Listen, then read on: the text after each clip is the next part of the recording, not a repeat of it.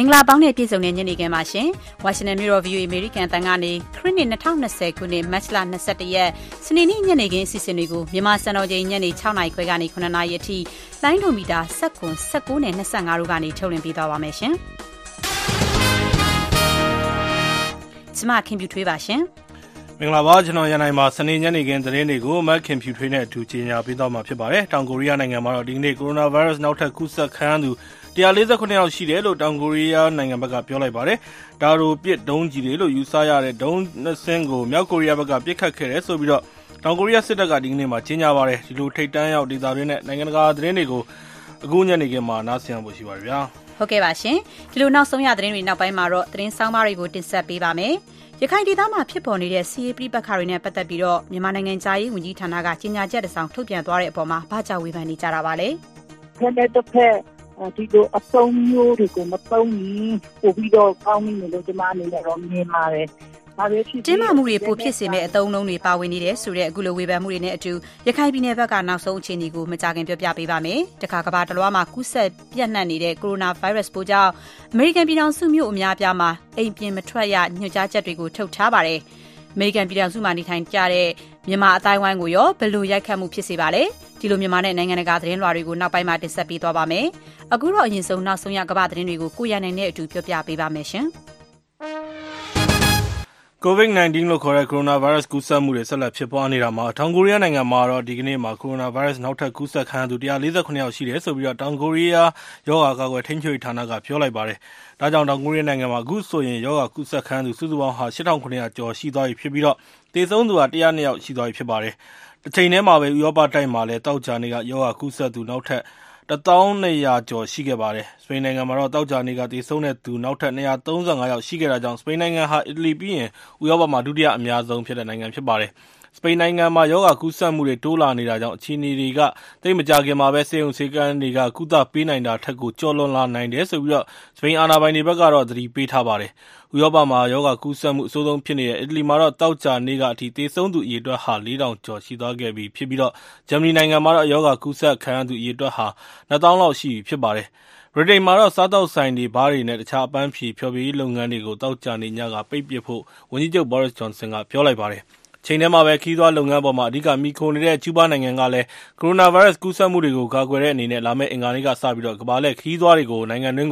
ဝင်ခွင့်တလကြာ ပိတ်သွားမှာဖြစ်တယ်လို့ ကျူးဘားသမ္မတ Miguel Diaz-Canel က အစိုးရပိုင် မီဒီယာကနေ မနေ့က ကြေညာပါတယ်။ကမ္ဘာတဝန်းမှာ ကိုရိုနာဗိုင်းရပ်စ် ကူးစက်ခံထားရသူ စုစုပေါင်း ၂ သိန်း ၆ သောင်း ကျော်သွားပြီဖြစ်ပြီး သေဆုံးသူ အရေအတွက်ဟာ ၁ သောင်း ၁ ထောင်ကျော် ရှိသွားပြီဖြစ်ပါတယ်ခင်ဗျာ အမေရိကန်ပြည်ထောင်စုရဲ့ လူဦးရေ အထူထပ်ဆုံးပြည်နယ်တွေဖြစ်ကြတဲ့ ကယ်လီဖိုးနီးယားနဲ့ နယူးယောက်ပြည်နယ်တွေမှာ ကိုရိုနာဗိုင်းရပ်စ် ကူးစက်မှုတွေ အဆိုးဆုံးဖြစ်ပွားနေတာကြောင့် အရေးကြီး သွားလာမှုတွေကလွဲလို့ ကျန်တဲ့ အိမ်ပြင်ပ လှုပ်ရှားသွားလာမှုတွေ မလုပ်ကြဖို့ ပြည်နယ်တာဝန်ရှိသူတွေက ညွှန်ကြားထားပါတယ်။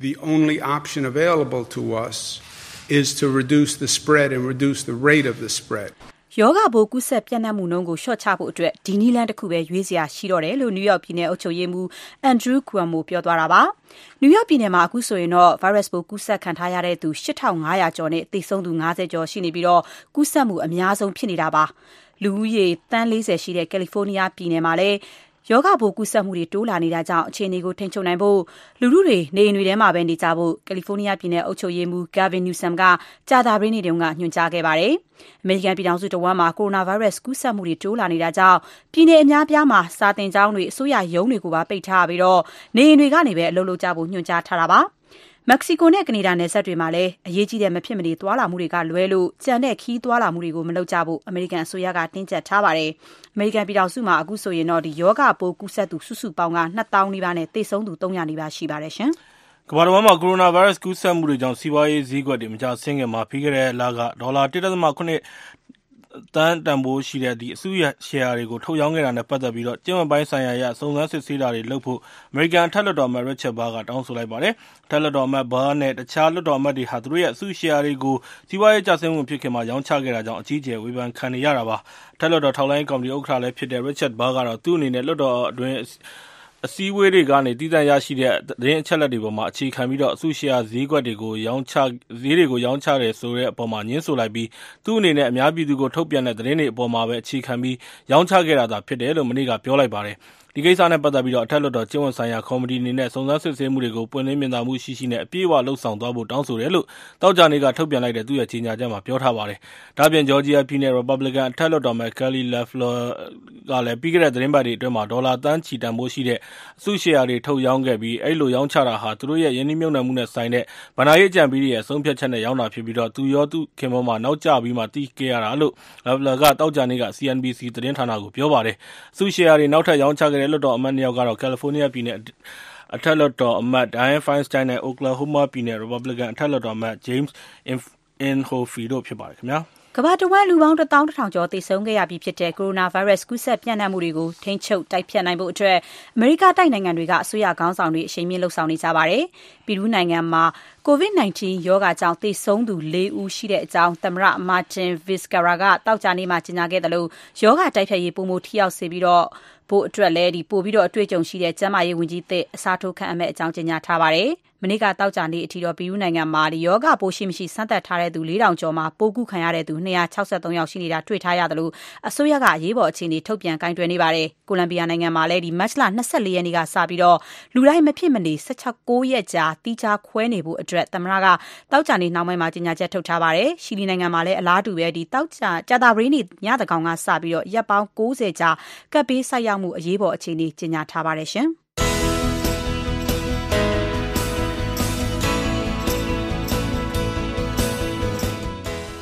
VOA အမေရိကန်အသံ ညနေဘက် မြန်မာဘာသာအစီအစဉ်တွေကို ညနေ ၆ နာရီခွဲကနေ ညနေ ၇ နာရီအထိ လိုင်းဒိုမီတာ ၁၇ kHz ၁၇၆၈၃ ည၊ လိုင်းဒိုမီတာ၁၉ kHz ၁၅၅၆၃ည၊လိုင်းဒိုမီတာ၂၅ kHz ၁၁၉၆၅တို့ကနေထုတ်လွှင့်ပေးနေပါတယ်ခင်ဗျာ။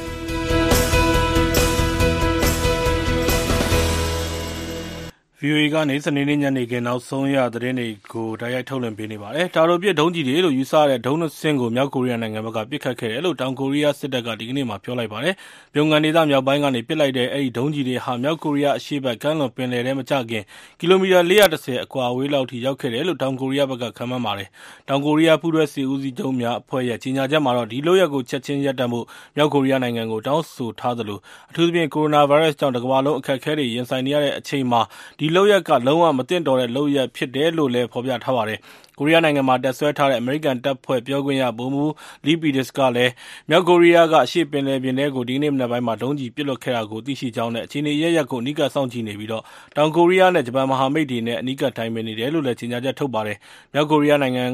မှာ ကိုရိုနာဗိုင်းရပ်စ် ကူးစက်ပျံ့နှံ့နိုင်ခြေ ရှိနေပေမယ့်လည်း ဒီလအတွင်းတာတိုပစ် ဒုံးကျည်တွေကို ၃ ကြိမ်လောက် စမ်းသပ်ပစ်လွှတ်ခဲ့ပါတယ်။မြောက်ကိုရီးယားကတော့ သူတို့နိုင်ငံမှာ ကိုရိုနာဗိုင်းရပ်စ် ပိုးကူးစက်ခံထားရသူမရှိဘူးလို့ပြောဆိုထားပါတယ်။စင်္ကာပူနိုင်ငံမှာတော့ကိုရိုနာဗိုင်းရပ်စ်ကြောင့်ပထမဆုံးအကြိမ်သေဆုံးသူ၂ဦးရှိကြောင်းဒီကနေ့ထုတ်ပြန်ပါတယ်။အသက်၇၅နှစ်အရွယ်အမျိုးသမီးတဦးနဲ့အသက်၆၄နှစ်အရွယ်အမျိုးသားတဦးဒီရောဂါနဲ့သေဆုံးတဲ့အကြောင်းစင်္ကာပူကျန်းမာရေးဝန်ကြီး Gan Kim Yang ကစနေနေ့သတင်းစာရှင်းလင်းပွဲမှာပြောကြားခဲ့တာပါ။ဒီရောဂါနဲ့သေဆုံးတာတွေရှိလာမယ်ဆိုတာခန့်မှန်းထားပေမယ့်လည်းဒီအတွက်စိတ်မကောင်းဖြစ်ရတယ်လို့ဝန်ကြီးကပြောပါတယ်။သေဆုံးသူ၂ဦးစလုံးမှာတော့ရောဂါအခံတွေရှိထားကြတာပါ။စင်္ကာပူနိုင်ငံမှာကိုရိုနာဗိုင်းရပ်စ်ကူးစက်ခံထားရသူ၃၈၅ဦးရှိပြီးသေဆုံးသူကတော့ ၂ ဦးရှိပါတယ်။ဇန်နဝါရီလနှောင်းပိုင်းကစလို့ ကိုရိုနာဗိုင်းရပ်စ် ကူးစက်သူတွေ တွေ့လာရပြီးနောက်ပိုင်း ဒီရောဂါကြောင့် စင်္ကာပူမှာ လူသေဆုံးတာကတော့ ဒါ ပထမဆုံး ဖြစ်ပါတယ်။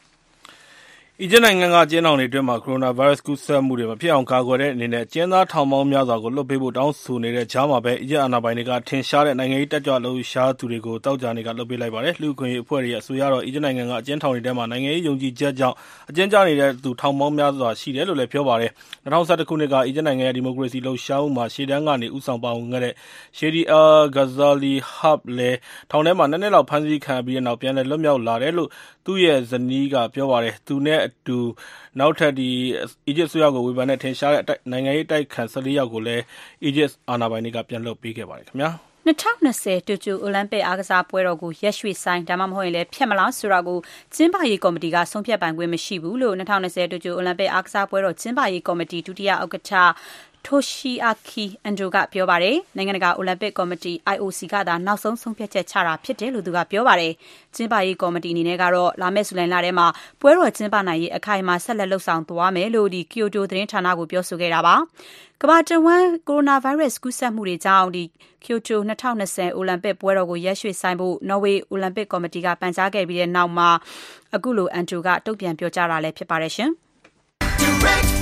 Washington,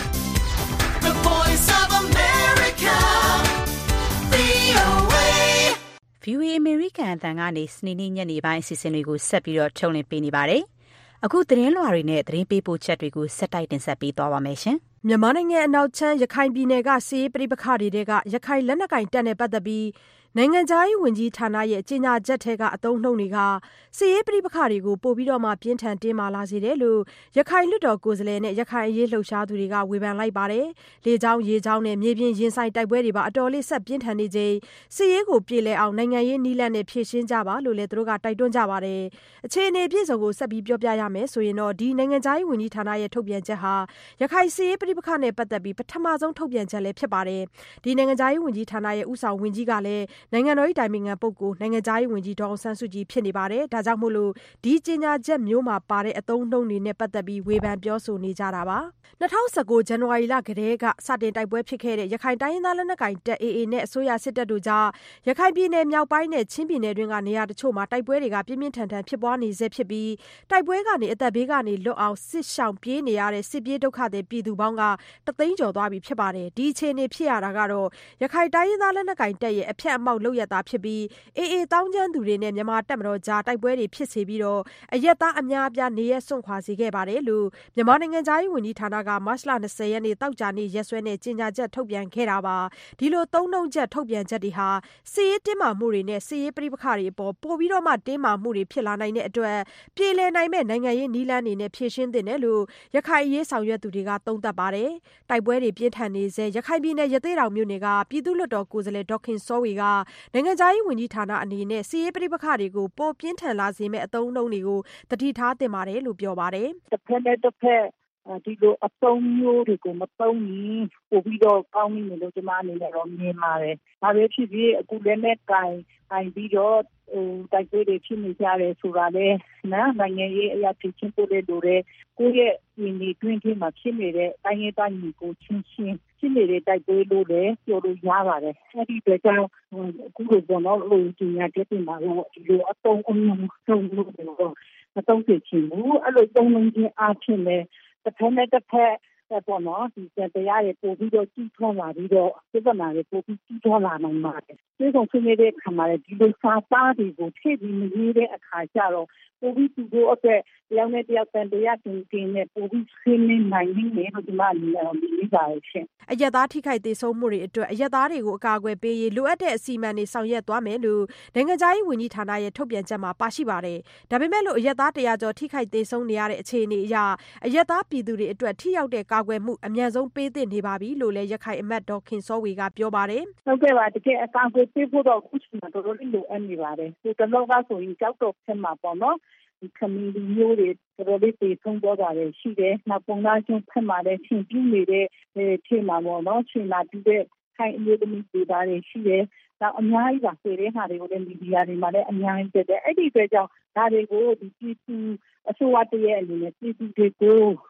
ဒါကူညီပေးဖို့အစိုးရမှာတာဝန်ရှိပါတယ်။လုပ်ပေးသင့်ပါတယ်။ဒါကနောက်တောင်ကျနေပါပြီ။တကယ်လုပ်ဖို့ဆိုလို့ရှိရင်သူတို့ကျမတို့အမြဲတမ်းတောင်းဆိုတယ်။မြေစာပင်ဖြစ်နေတဲ့ပြည်သူတွေတိုက်ပွဲဆိုတာကတော့မကျေနပ်လို့ဖြစ်ကြတယ်။အချင်းချင်းတိုက်ပွဲဖြစ်ကြတယ်။ဒါပေမဲ့ကြားမှာရှိနေတဲ့မြေစာပင်တွေကတော်တော်လေးအဖုခံနေရတယ်။တိုက်ပွဲတွေဖြစ်လို့သေဆုံးလာတိုင်းဘယ်ဘက်ကမှတာဝန်မယူဘူး။ဟိုဘက်ကလည်းမဟုတ်ဘူးဒီဘက်ကလည်းမဟုတ်ဘူးဆိုတဲ့ ရင်းထုတ်တယ်တွေကိုကြားနေရပါတယ်။ဒေါအောင်ဆန်းစုကြည် ဦးဆောင်တဲ့ နိုင်ငံခြားရေးဝန်ကြီးဌာနရဲ့ ရခိုင်အရေး ထုတ်ပြန်ချက်အပေါ်မှာလည်း ရခိုင်ပြည်မျိုးသားကောင်စီ ANC ရဲ့ အထွေထွေအတွင်းမှုဦးထွန်းစောကလည်း အခုလို ရှုမြင်ပါတယ်။နိုင်ငံခြားရေးဝန်ကြီးဌာနက ဒီလိုထုတ်ပြန်ချက်ကတော့ ကျွန်တော်မြင်တာက အဓိကတော့ဒီနိုင်ငံတကာမျက်နှာစာမှာဒီနိုင်ငံမြန်မာပြည်ပေါ်မှာ ဖိအားတွေတက်ရောက်နေတဲ့ ကိစ္စကို သူကဒီချော့ချဖို့နော်ဖြေလျှော့ဖို့အတွက် ကြိုးစားတဲ့နေရာမှာ ပြည်တွင်းမှာဒီလိုမျိုးအဆက်အမောက်လုပ်ငန်းတွေရှိတယ်ပြည်တွင်းမှာစံဖက်တန်းကျမှုတွေရှိနေတယ်ဆိုတဲ့ဥစ္စာကိုသူကပေါ်လွင်ထင်ရှားအောင်ပြသဖို့အတွက်ဒါကိုထုတ်ပြန်တယ်လို့ပဲရိုးရှင်းရှင်းလေးမြင်ပါတယ်ဒီတောင်ဆန်းစုကြည်ကြီးမှုရဲ့ဌာနကနေထုတ်ပြန်တဲ့အတွက်ဒီအသုံးနှုန်းတွေကလေးပေါ့ဗျာဒီအရင်တုန်းကတော့ဒီစစ်ဆိုးရပေါ့နော်တောက်လျှောက်သုံးခဲ့တဲ့အသုံးနှုန်းဖြစ်ပါတယ်အခုလည်းပဲဒီအယက်သားအစိုးရလို့ပြောတဲ့ NLD အစိုးရလက်ထက်မှာလည်းပဲတုံ့ပြရဆိုတဲ့အခါကျတော့ NLD အစိုးရက ကြွေးကြော်ထားတဲ့ အမျိုးသားပြန်လည်သင့်မြတ်ရေးတို့နော် ဒီနိုင်ငံရေး ဒီမိုကရေစီပြုပြင်ပြောင်းလဲရေးလို့ဆိုတဲ့ဥစ္စာနဲ့ သူ့ရဲ့မူဝါဒနဲ့ ပြောတခြား အလုပ်တခြားဖြစ်နေတယ်ဆိုတဲ့ အဓိပ္ပါယ်မျိုးတော့ ဆောင်တာပေါ့နော် အစိုးရအနေနဲ့ လူသားချင်းစာနာမှုဆိုင်ရာ အကူအညီတွေကို အပြည်ပြည်ဆိုင်ရာ ကြက်ခြေနီအဖွဲ့ ICRC အပါအဝင် နိုင်ငံတကာ လူသားချင်းစာနာမှုဆိုင်ရာ မိတ်ဖက်အဖွဲ့အစည်းတွေ အကူအညီတွေနဲ့ လုံခြုံရေး အခြေအနေပေးမှုအပေါ်မှာမူတည်ပြီး ထိရောက်အောင် အရှိန်ဟုန်မြင့် ဆောင်ရွက်သွားမယ်လို့ နိုင်ငံခြားရေးဝန်ကြီးဌာနရဲ့ ထုတ်ပြန်ချက်ထဲ ပါရှိပါတယ်။အခုချိန်ထိကတော့ တိမ်းရှောင်ပြေးနေရတဲ့ စစ်ပြေးဒုက္ခသည်ကတသိန်းနှစ်သောင်းရှစ်ထောင်ကျော်အထိ ဖြစ်သွားပြီလို့ ရခိုင်တိုင်းရင်းသားမျိုးနွယ်များ အစည်းအရုံး IEC က နောက်ဆုံးစာရင်း ထုတ်ပြန်ထားပါတယ်။သူတို့အတွက် သောက်သုံးရေနဲ့ အခြေခံစားနပ်ရိက္ခာ ဆေးဝါးအကူအညီတွေ အရေးတကြီးလိုအပ်နေတယ်လို့လည်းဒုက္ခသည်တွေကိုလိုက်လံကူညီပေးနေတဲ့အရပ်ဘက်လူမှုအဖွဲ့အစည်းတွေကပြောပါတယ်။ကျမဆုမွန်ကဆက်သွယ်မေးမြန်းခဲ့တာဖြစ်ပါတယ်ရှင်။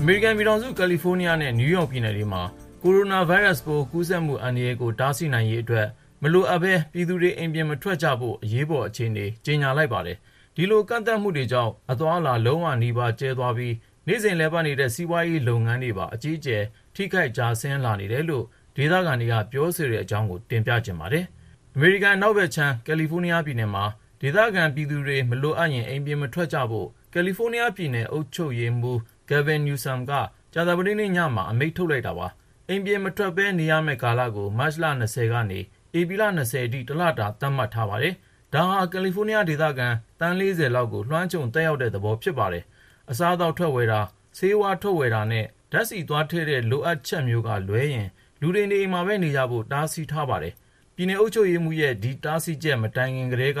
အချို့မြို့နယ်တွေမှာ အိမ်ပြင်မထွက်ရ၊ရုပ်ရှင်ရုံ၊အားကစားပွဲနဲ့ စားသောက်ဆိုင်တွေမှာ လူမစုရဆိုတဲ့ ကန့်သတ်ချက်တွေ ရှိခဲ့တာက ကယ်လီဖိုးနီးယားပြည်နယ် ဆန်ဖရန်စစ္စကိုမြို့ ဘေးဧရိယာမှာရှိတဲ့ Berkeley မြို့ပဲ ဖြစ်ပါတယ် ဒီကန့်သတ်ချက်ကြောင့် စီးပွားရေး အထိနာလာရတယ်လို့ Berkeley မြို့မှာ Royal Rangoon ဆိုတဲ့ စားသောက်ဆိုင်ဖွင့်ထားတဲ့ ပိုင်ရှင် ဦးထွန်းလင်းက VOA ကို ရှင်းပြပါတယ်။ Berkeley CD က အမိန့်ထုတ်တယ် ၁၇ ရက်နေ့မှာ လူမစုရဘူး။ပြင်မထွက်ရဘူး။အိမ်မှာပဲ နေရမယ်။ Social Distance နဲ့ သွားရမယ်။ဆိုတော့ ဆိုင်မှာစားလို့မရဘူး။အိမ်ကိုပဲ ဝယ်သွားလို့ရမယ်။စားမယ့်လူမရှိတော့ဘူး။မရှိတော့ဘူးဆိုတော့ ရောင်းအားက 5%လောက်ပဲရှိတယ်။ဆိုင်မှာလည်း Dine-in မရှိဘူးဆိုတော့ လူမှုရောင်အားခရူကလည်း ချက်စရာမှ မရှိတော့တာ။ သူတို့လည်း အိမ်ပြန်ရတော့တာပေါ့။ရုတ်တရက်ဆိုတော့လည်း လူတွေက ကြောက်လန့်ပြီးတော့ ထွက်မလာတော့ဘူး။အချိန်က ဘယ်လောက်ကြာဦးမလဲမသိဘူး။အခုက State က မနေ့က တခါ Announce လုပ်လိုက်တယ်ဆိုတော့ ပိုဆိုးလာပြီပေါ့ အခြေအနေက။ဒီရောဂါကြီး မပြီးမချင်းက စီးပွားရေးက ရှိမှာမဟုတ်ဘူး။”ကယ်လီဖိုးနီးယားမှာ လူတွေ အိမ်ပြင်မထွက်ကြဖို့ဆိုတဲ့ အရေးပေါ်ကြေညာချက်ကြောင့် အသွားအလာ အားလုံးနီးပါး ရပ်ဆိုင်းသွားပြီး ပြည်သူတွေ စားနပ်ရိက္ခာ ဝယ်စုထားရင်း အိမ်တွေမှာပဲ နေနေရတော့မယ်လို့ လော့စ်အိန်ဂျလိစ်မြို့ကအငြိမ်းစားဆရာဝန်ကြီးတဦးဖြစ်တဲ့ဒေါက်တာစိုင်းထွေးမောင်ကပြောပါတယ်။အခု Lockdown လုပ်ပြီးတော့အခြေအနေကတော့ငြိမ်သက်သွားတယ်လို့ပြောရမှာပေါ့။ကားအသွားအလာလည်းအရမ်းနည်းသွားတယ်။အရင်တုန်းက၂နာရီလောက်မောင်းရမယ့် Freeway ဆိုလို့ရှိရင်အခုနာရီဝက်နဲ့ကိုမောင်းလို့ရပြီ။လမ်းမပေါ်မှာလည်းကားတွေအရမ်းနည်းသွားတယ် ကျောင်းတွေလည်းအကုန်ပိတ်ထားတော့အဲ့မှာကျောင်းကားလည်းမရှိလူလည်းမရှိဆိုတော့ကျွန်တော်တို့ LA မြို့ကတော့အရန်ကိုငြိမ်သက်သွားတယ်လို့ကျွန်တော်တို့ပြောလို့ရပါတယ်ကျွန်တော်တို့အခက်ခဲကတော့အာအိမ်မှာပဲနေရမယ်ဆိုတော့ဒီအစာအသောက်တွေအာလုံလုံလောက်လောက်ရှိနေမယ်ဆိုလို့ရှိရင်တော့ဘာမှခက်ခဲမှုတော့မရှိပါဘူးကျွန်တော်တို့ LA မှာလွန်ခဲ့တဲ့တပတ်ကျော်ကလေးကကျွန်တော်တို့လိုအပ်တဲ့အစာအသောက်တွေပစ္စည်းတွေကိုလူရက်ပြီးဝယ်နေကြခဲ့တယ် အလားတူပဲ ကယ်လီဖိုးနီးယားနဲ့ နယ်နိမိတ်ချင်း ထိစပ်နေတဲ့နီဗားဒါးပြည်နယ်မှာလည်း လူတွေ အိမ်ပြင်မထွက်ကြဖို့ ပြည်နယ်တခုလုံး အတိုင်းအတာနဲ့ အမိန့်မထုတ်သေးပေမယ့် လောင်းကစားမြို့တော်အဖြစ် လူသိများတဲ့ Las Vegas မြို့မှာတော့ စားသောက်ကုန်ရောင်းတဲ့ စူပါမားကက်တွေကလွဲရင် တမြို့လုံး အပြင်မထွက်ကြဖို့ အမိန့်ထုတ်ထားတာကြောင့် စီးပွားရေးလုပ်ငန်း အားလုံးနီးပါး ရပ်ဆိုင်းသလောက် ဖြစ်သွားရတယ်လို့ ကာစီနို လောင်းကစားရုံတွေနဲ့ ဟိုတယ်တွေကို ဆူရှီစားစရာတွေ တင်သွင်းနေတဲ့ Sunny Sushi လုပ်ငန်းပိုင်ရှင် ဦးစံနီက ပြောပါတယ်။“အခုတော့ ကျနော်တို့က ဟိုတယ်နဲ့ပတ်သက်လို့တော့ အကုန်ရပ်သွားတာပေါ့ဗျာ။ရပ်တယ်ဆိုတာ လုံးဝကို ရပ်သလောက် ဖြစ်သွားတာပေါ့။နောက်ပြီးတော့ ရပ်တယ်ဆိုတာ ဟိုတယ်တွေက အကုန်လုံး ပိတ်ထားရတာကို။အဲဒီတော့ စူပါမားကက်တွေကလည်း အရောင်းနည်းနည်း တက်လာတာပေါ့။တက်လာတယ်ဆိုတော့သူတို့က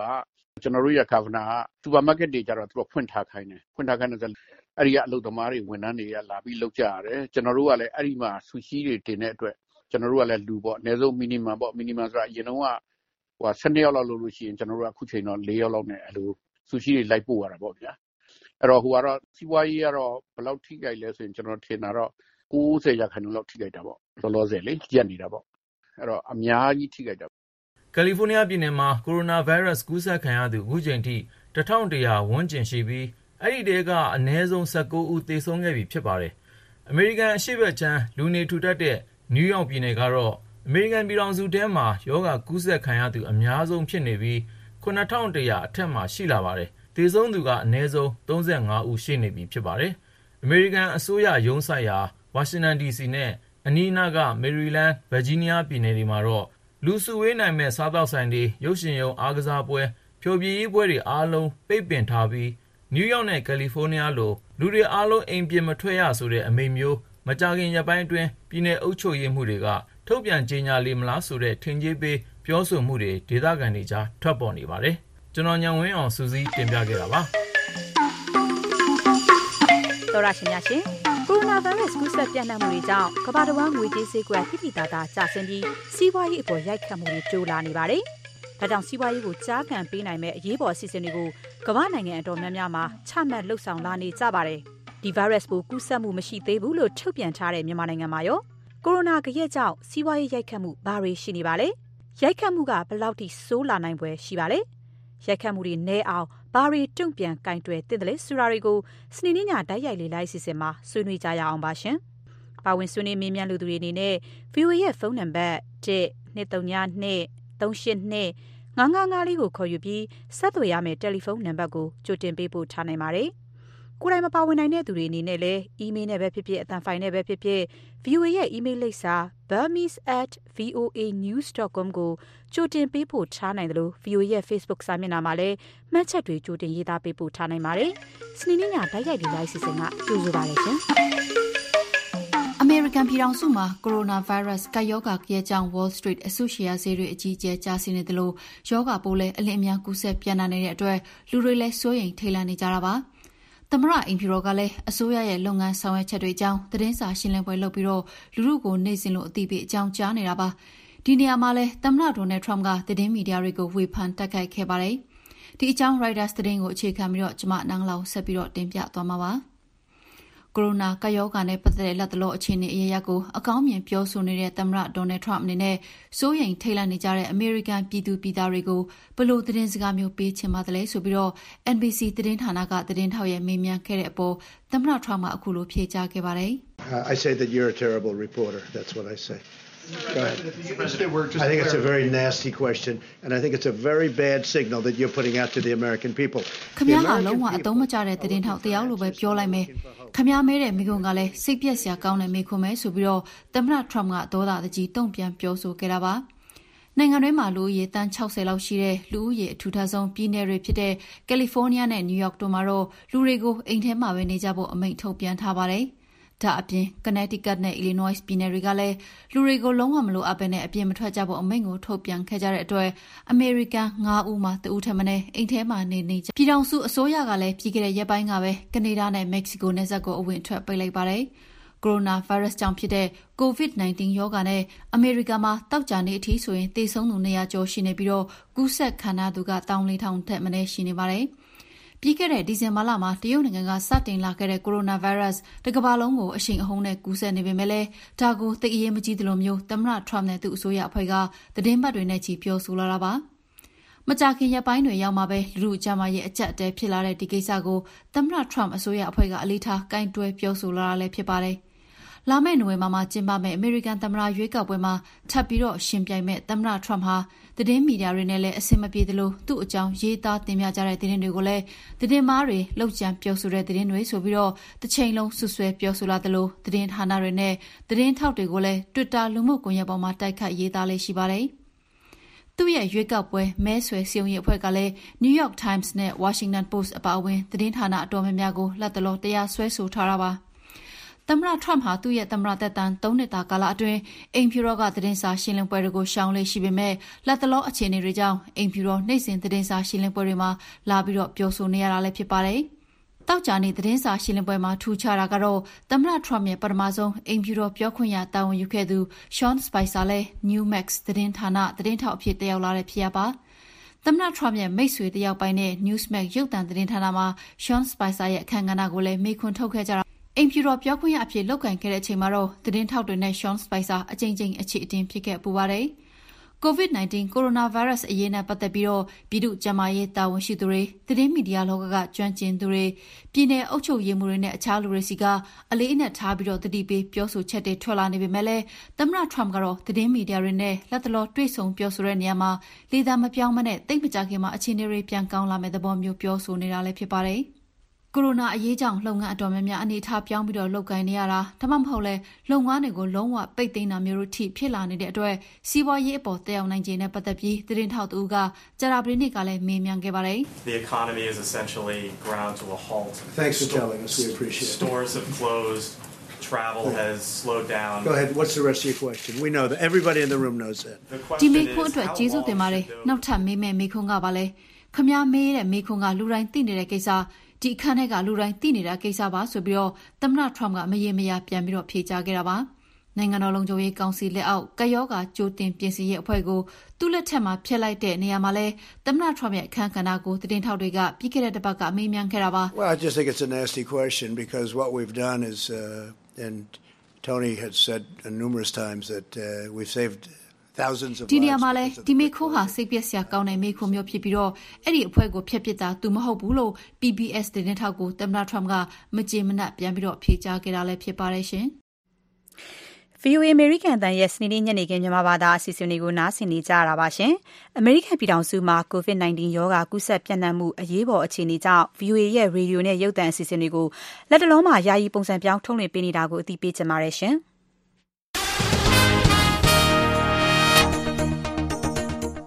အခုဆက်ပြီးတော့သတင်းချင်းချုပ်ကိုကိုရန်နိုင်ကပြောပြပေးပါဦးမယ်ရှင်။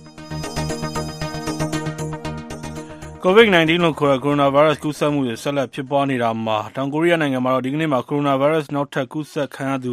149ယောက်ရှိတယ်လို့ တောင်ကိုရီးယားနိုင်ငံရဲ့ ရောဂါကာကွယ်ထိန်းချုပ်ရေးဌာန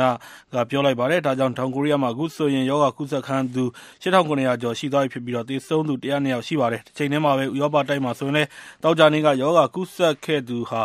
နောက်ထပ်12000ကျော်ရှိခဲ့ပြီး ကမ္ဘာတဝန်းမှာ ရောဂါကူးစက်ခံထားရသူ စုစုပေါင်းဟာ ၂ သိန်း ၆ သောင်းကျော်ရှိသွားပြီဖြစ်ပြီး သေဆုံးသူအရေအတွက်ကတော့ ၁ သောင်း ၁ ထောင်ကျော်သွားပြီ ဖြစ်ပါတယ်။အမေရိကန်ပြည်ထောင်စုရဲ့ လူဦးရေအထူထပ်ဆုံးပြည်နယ်တွေဖြစ်ကြတဲ့ ကယ်လီဖိုးနီးယားနဲ့ နယူးယောက်ပြည်နယ်တွေမှာတော့ ကိုရိုနာဗိုင်းရပ်စ် ကူးစက်မှုတွေ အဆိုးရွားဆုံးဖြစ်နေတာကြောင့် အရေးကြီး သွားလာမှုတွေကလွဲလို့ ကျန်တဲ့ အိမ်ပြင်ပ လှုပ်ရှားသွားလာမှုတွေ မလုပ်ကြဖို့ပြည်နယ်တာဝန်ရှိသူတွေက ညွှန်ကြားလိုက်ပါတယ်။ စင်ကာပူမှာတော့ ကိုရိုနာဗိုင်းရပ်စ်ကြောင့် ပထမဆုံးအကြိမ်အဖြစ် သေဆုံးသူ ၂ ယောက်ရှိတယ်လို့ ဒီကနေ့ထုတ်ပြန်လိုက်ပါတယ်။အသက် ၇၅ နှစ်အရွယ် အမျိုးသမီးတဦးနဲ့ အသက် ၆၄ နှစ် အမျိုးသားတဦးတို့ COVID-19 ကြောင့်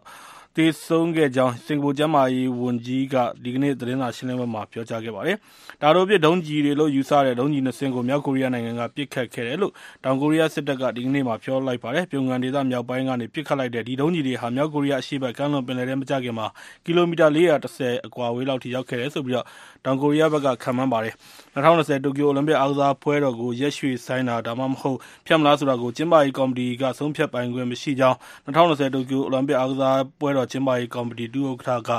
ပြောကြားလိုက်ပြီး ဒါကို ဆုံးဖြတ်ဖို့က နိုင်ငံတကာ အိုလံပစ်ကော်မတီကသာ ဆုံးဖြတ်နိုင်တာ ဖြစ်တယ်လို့လည်းပြောလိုက်ပါတယ်ခင်ဗျာ။ သတင်းချင်းချုပ်ကိုကိုရန်နိုင်ပြောပြပေးခဲ့တာပါရှင်။ဒီညနေစီစဉ်ထုတ်လို့ရမှုနဲ့ editor ကတော့မအေးတနာကျော်ဖြစ်ပြီး engineer ကတော့ Voitech ဖြစ်ပါတယ်။ကျမခင်ဗျူထွေးပါ VOA American တန်ရဲ့ညနေဘက်မြန်မာဘာသာအစီအစဉ်တွေကိုမြန်မာစံတော်ချိန်ညနေ6နာရီခွဲကနေ9နာရီအထိလိုင်းဒိုမီတာ7 19နဲ့25တို့ကနေထုတ်လွှင့်ပေးခဲ့တာပါ။ VOA ကိုနားဆင်တဲ့အတွက်လည်းအထူးပဲကျေးဇူးတင်ပါတယ်။သောရရှင်တွေရှင်လန်းချမ်းမြေ့ကြပါစေရှင်။နောက်2နာရီကြာမှကျမတို့ပြန်ဆုံပါအောင်မယ်ရှင်။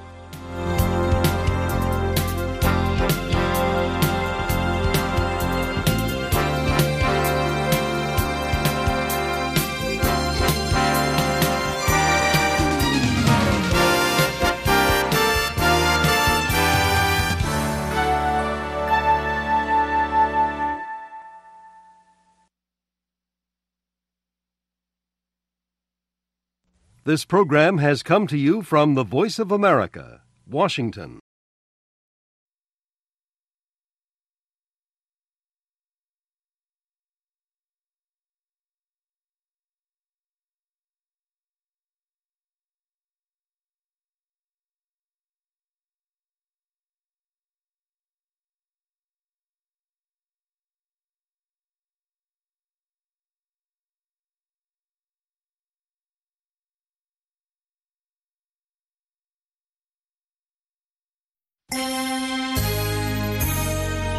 From Washington.